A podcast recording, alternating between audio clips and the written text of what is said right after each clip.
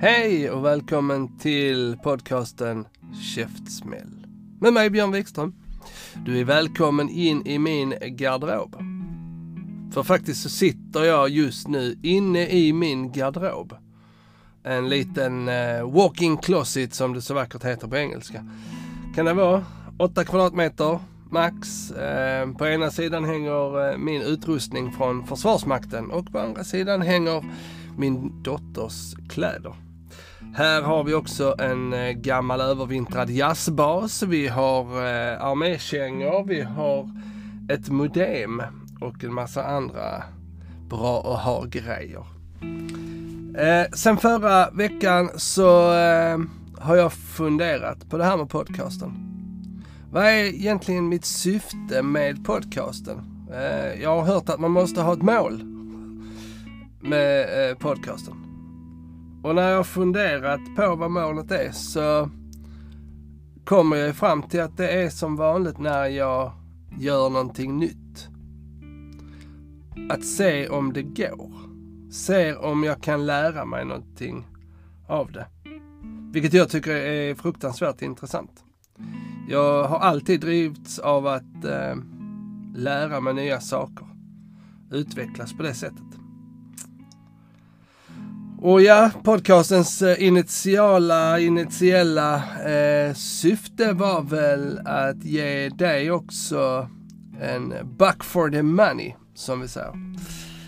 Eh, att ge dig feedback på ditt egna beteende och lite så. Och det kommer jag fortsätta att göra. Men kanske på ett annorlunda vis. För jag har kommit fram till att det jag vill göra är att en gång i veckan vara din polare som du lyssnar på. Din kompis som du kan bara precis slappna av med en halvtimme eller timme eller 45 minuter. Vad det nu må vara. Och bara lyssna liksom. Bjuda in till ett eh, samtal en gång i veckan. Min tanke är att eh, jag ska bjuda in eh, lite gäster. Lite intervjuer. Och det är väl likadant där tänker jag. Att samtalet får utvecklas som, som det gör. Med vissa hållpunkter. Det behöver inte vara svårare än så. Eh, för jag, jag tror att eh, det är nog med eh, terapeuter i podcastar och framgångscoacher och hur du ska optimera ditt liv genom att bara äta vallmofrön och, och annat. Eh, så jag tänker att detta kan väl få vara ett sätt för dig att bli en fluga på väggen. När jag pratar eh, med, med nya och gamla bekantskaper till mig själv. Och framförallt när jag, när jag har någon tanke som jag vill dela med mig av. Så vill jag ju göra det med dig såklart. Så är du eh, redo Och... eh, lyssna på mina tankar och idéer så eh, kör vi veckans avsnitt. Välkommen!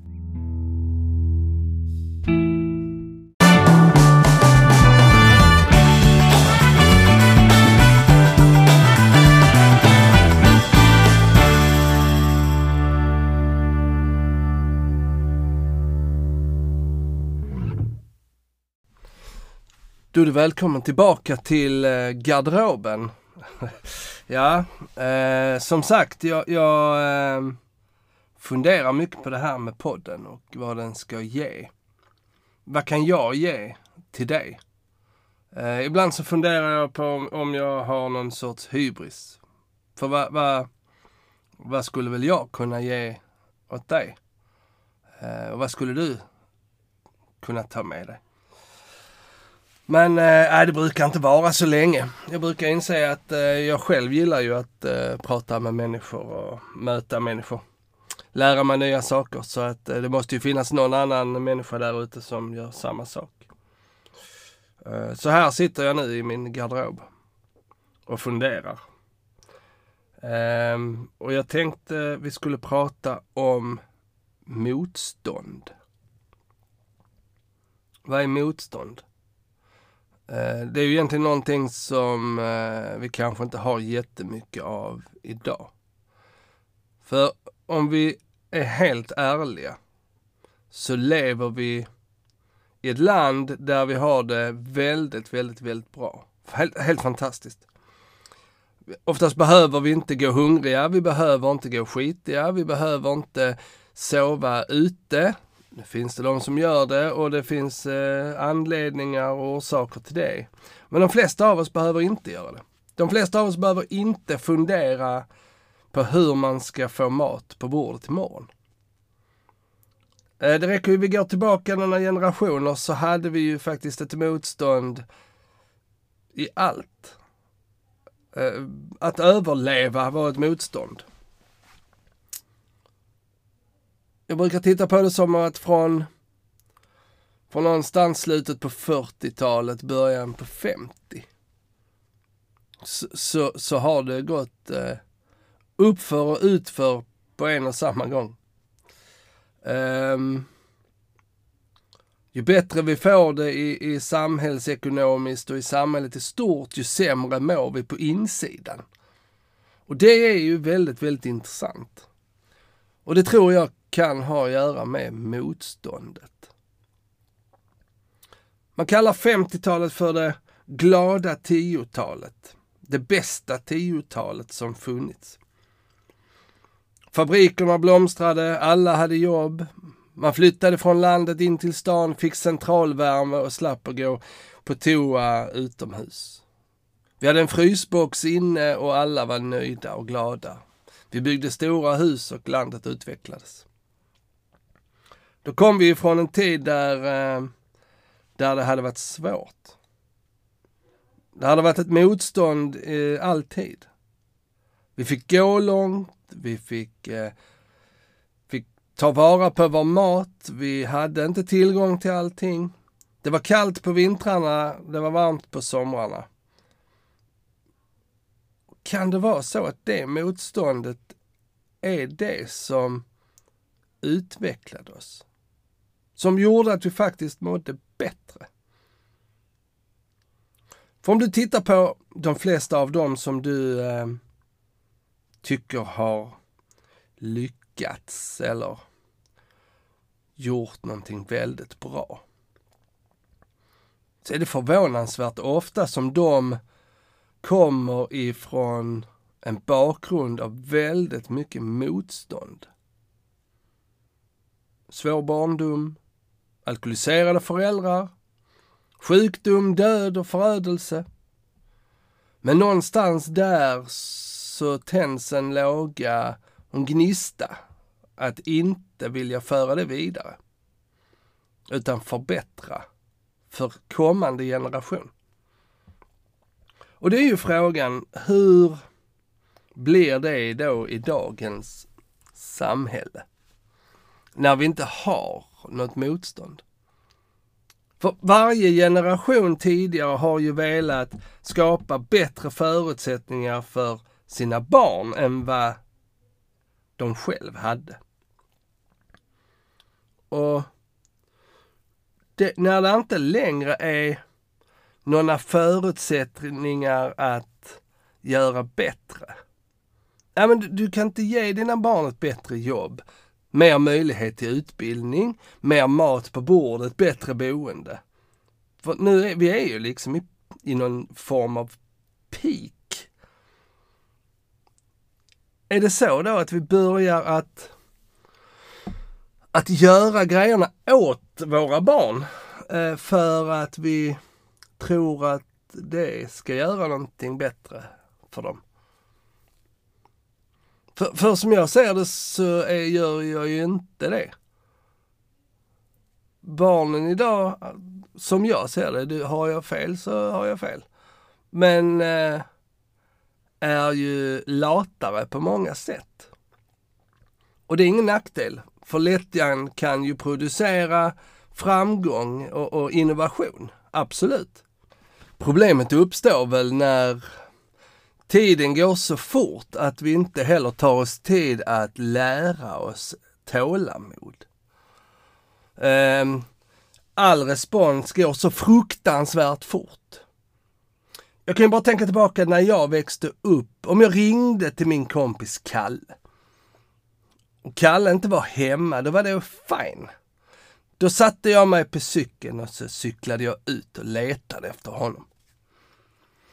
Idag om inte Kalle svarar så ringer jag på hans mobil. Eh, eller jag skickar ett sms. Eh, jag skickar till han på Messenger, jag skickar till han på Instagram och svarar han inte så helt plötsligt så börjar det snurra i mitt huvud att kanske inte Kalle vill prata med mig för att jag kanske inte duger. Det kanske inte alls har med det att göra. Kalle kanske sitter på toaletten eller Kalle kanske sitter upptagen i ett jätteviktigt möte. Det vet jag inte. Men tillgången idag är ju så enorm. Så det är liksom inget motstånd, det bara flyter på, det bara väller över mig. Eh, och det är ju inom allt. Alla kan bli vad som helst. Alla kan eh, göra vad de vill. Men har vi ro att lära oss nya grejer? Har vi tid att, att utvecklas? Eller är vi så stressade i själen att vi vill ha quick fix på allt? Ja. För det där motståndet tror jag är, är oerhört viktigt. Um, för om jag tittar på mig själv när jag har utvecklats som mest som människa så är det ju när det har varit svårt. När jag har kommit ut på andra sidan så kan jag se att jag har blivit en annan människa. När jag eh, får kämpa. När jag får gå i den där motvinden. När jag får springa i, i snöslask. Eller kämpa i, i, i regn och rusk. För då uppskattar jag också de finare stunderna. Det är, det är, eh, ja, det är ju motståndet i sig liksom. Sen är vi ju kanske lite lata eh, till mans. Man vill gärna ta den enkla vägen. Eh, sen, sen är det ju så också att vi, vi, vi, eh, det kastas ju på oss en massa att vi ska förändra oss. Vi ska bli smalare, vi ska bli starkare, vi ska bli snabbare, vi ska bli bättre människor. Det slog mig när jag stod i en bokhandel eh, för ett rätt så bra tag sedan och tittade. Och då insåg jag att nästan 70 procent av böckerna i den hyllan jag tittade i var böcker om hur jag förändrade mig som person och blev en bättre person.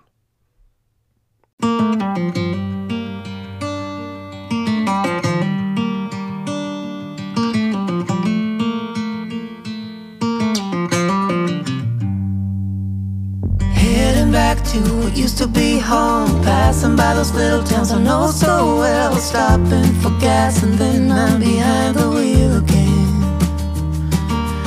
Driving is like a spiritual cleanse where every mile is a new beginning and every bend holds a new end.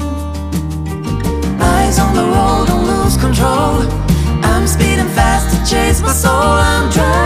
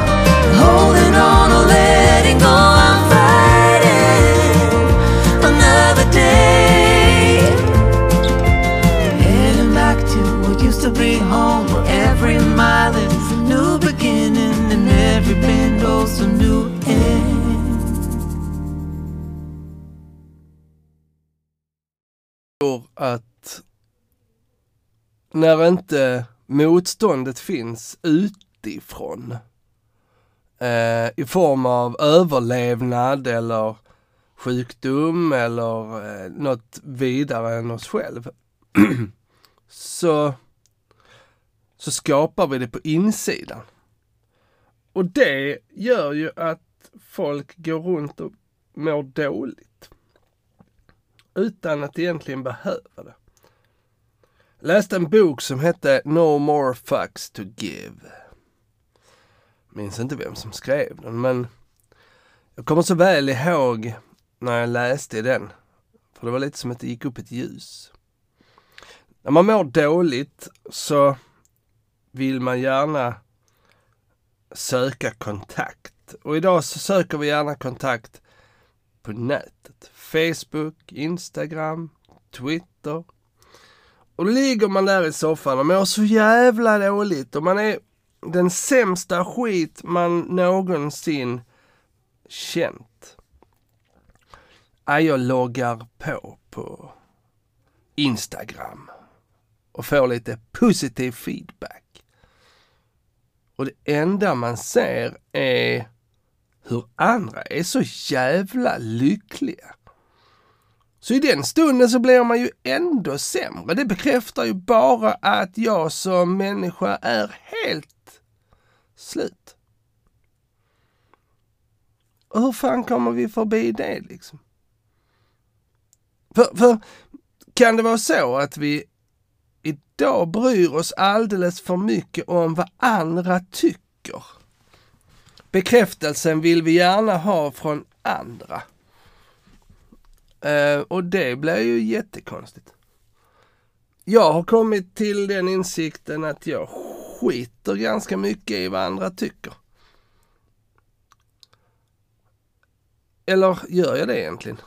Hade jag gjort det så kanske jag inte hade suttit och gjort denna podcasten. Men jag försöker i alla fall. Eller jag försöker att inte låta andras tankar styra. Eller nej, jag har slutat att, slutat tänka vad tycker andra om detta? För ofta så bryr ju inte någon annan sig. Utan i mitt huvud så tror jag att andra tycker. Vilket bara blir jävligt märkligt. För då helt plötsligt så tänker jag att Gud andra tror, tycker att jag är tjock.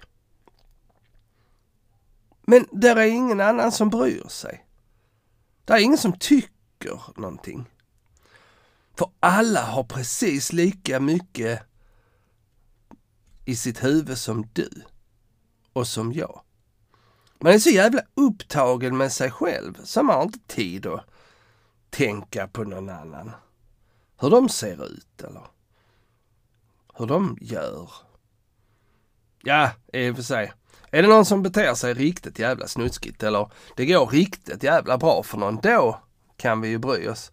Men i övrigt så, så är det väl ganska så smetigt. Ändå så bygger vi mycket av det vi gör på vad andra säger, tycker och gör, eller vad vi tror att de tycker. Och det funkar inte för mig längre. Det, det nej. Fy. Ja, där har jag kommit ganska långt. Sen har jag säkert en jättelång bit kvar att gå, men, men eh, ja. Det är... Eh, men just det här med motståndet. Jag, jag kommer jätte, jätteofta tillbaka till det. Och jag ser på mina barn när deras utveckling och hur de bemöter mig. För när, när det uppstår motstånd och de får kämpa lite så ser jag ju hur de växer. När jag sätter upp en bromskloss till dem och, och, och tvingar dem att reflektera över sitt beteende eller, eller reflektera över sina känslor och tankar och så.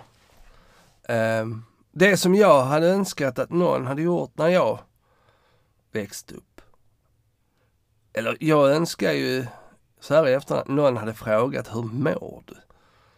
Det var det ju ingen som gjorde. Så är det någonting jag försöker förmedla till mina barn och till de flesta runt omkring mig är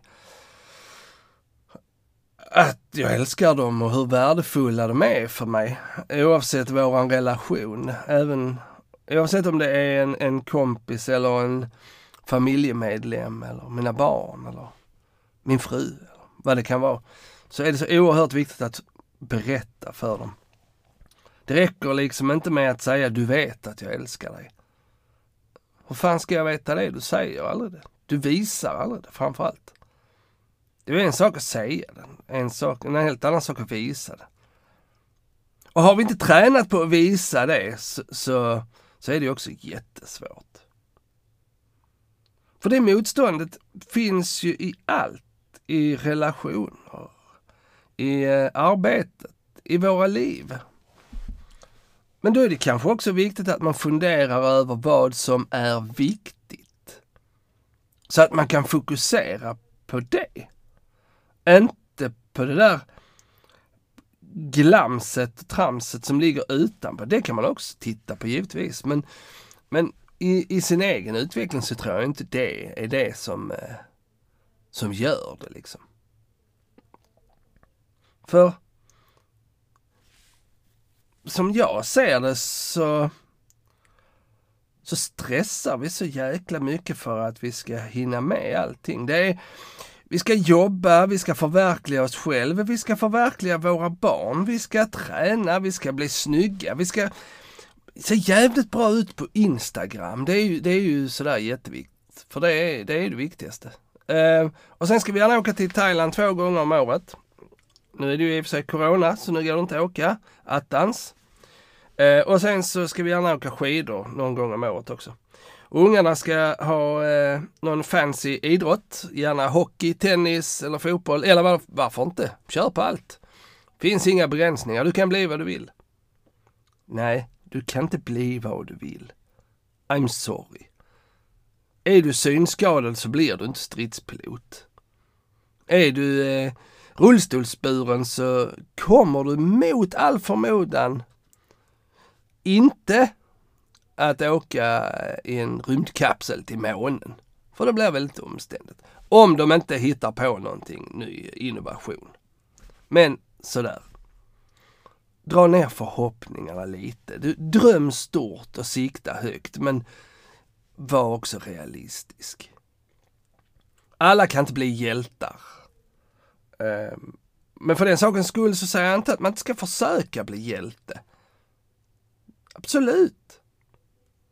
Men, men motståndet är ju bra. Det härdar ju mot de inre konflikterna. Helt plötsligt blir det ju viktigt.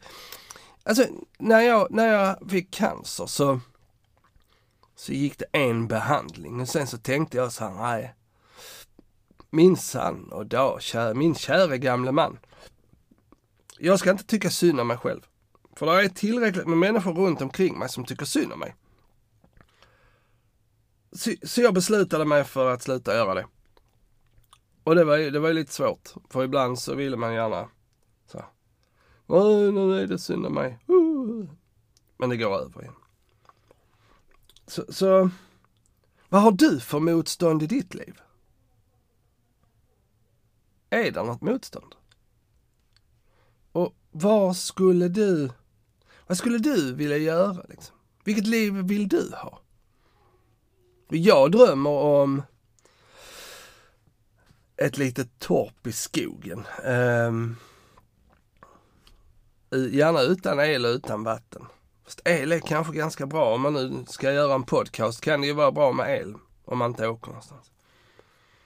Och in i skogen. Tänk dig så här, en, en, en lång skogsväg. Du bara kör och kör. Och långt där borta ligger det ett litet torp. Och utanför torpet en liten sjö. På vintern får jag skotta snö till jag är blå i ansiktet och jag får hugga ved. Men det gör ingenting. För det är ett motstånd och det är inte farligt. Jag får kanske pumpa upp vattnet från en egen brunn. Men det gör ingenting.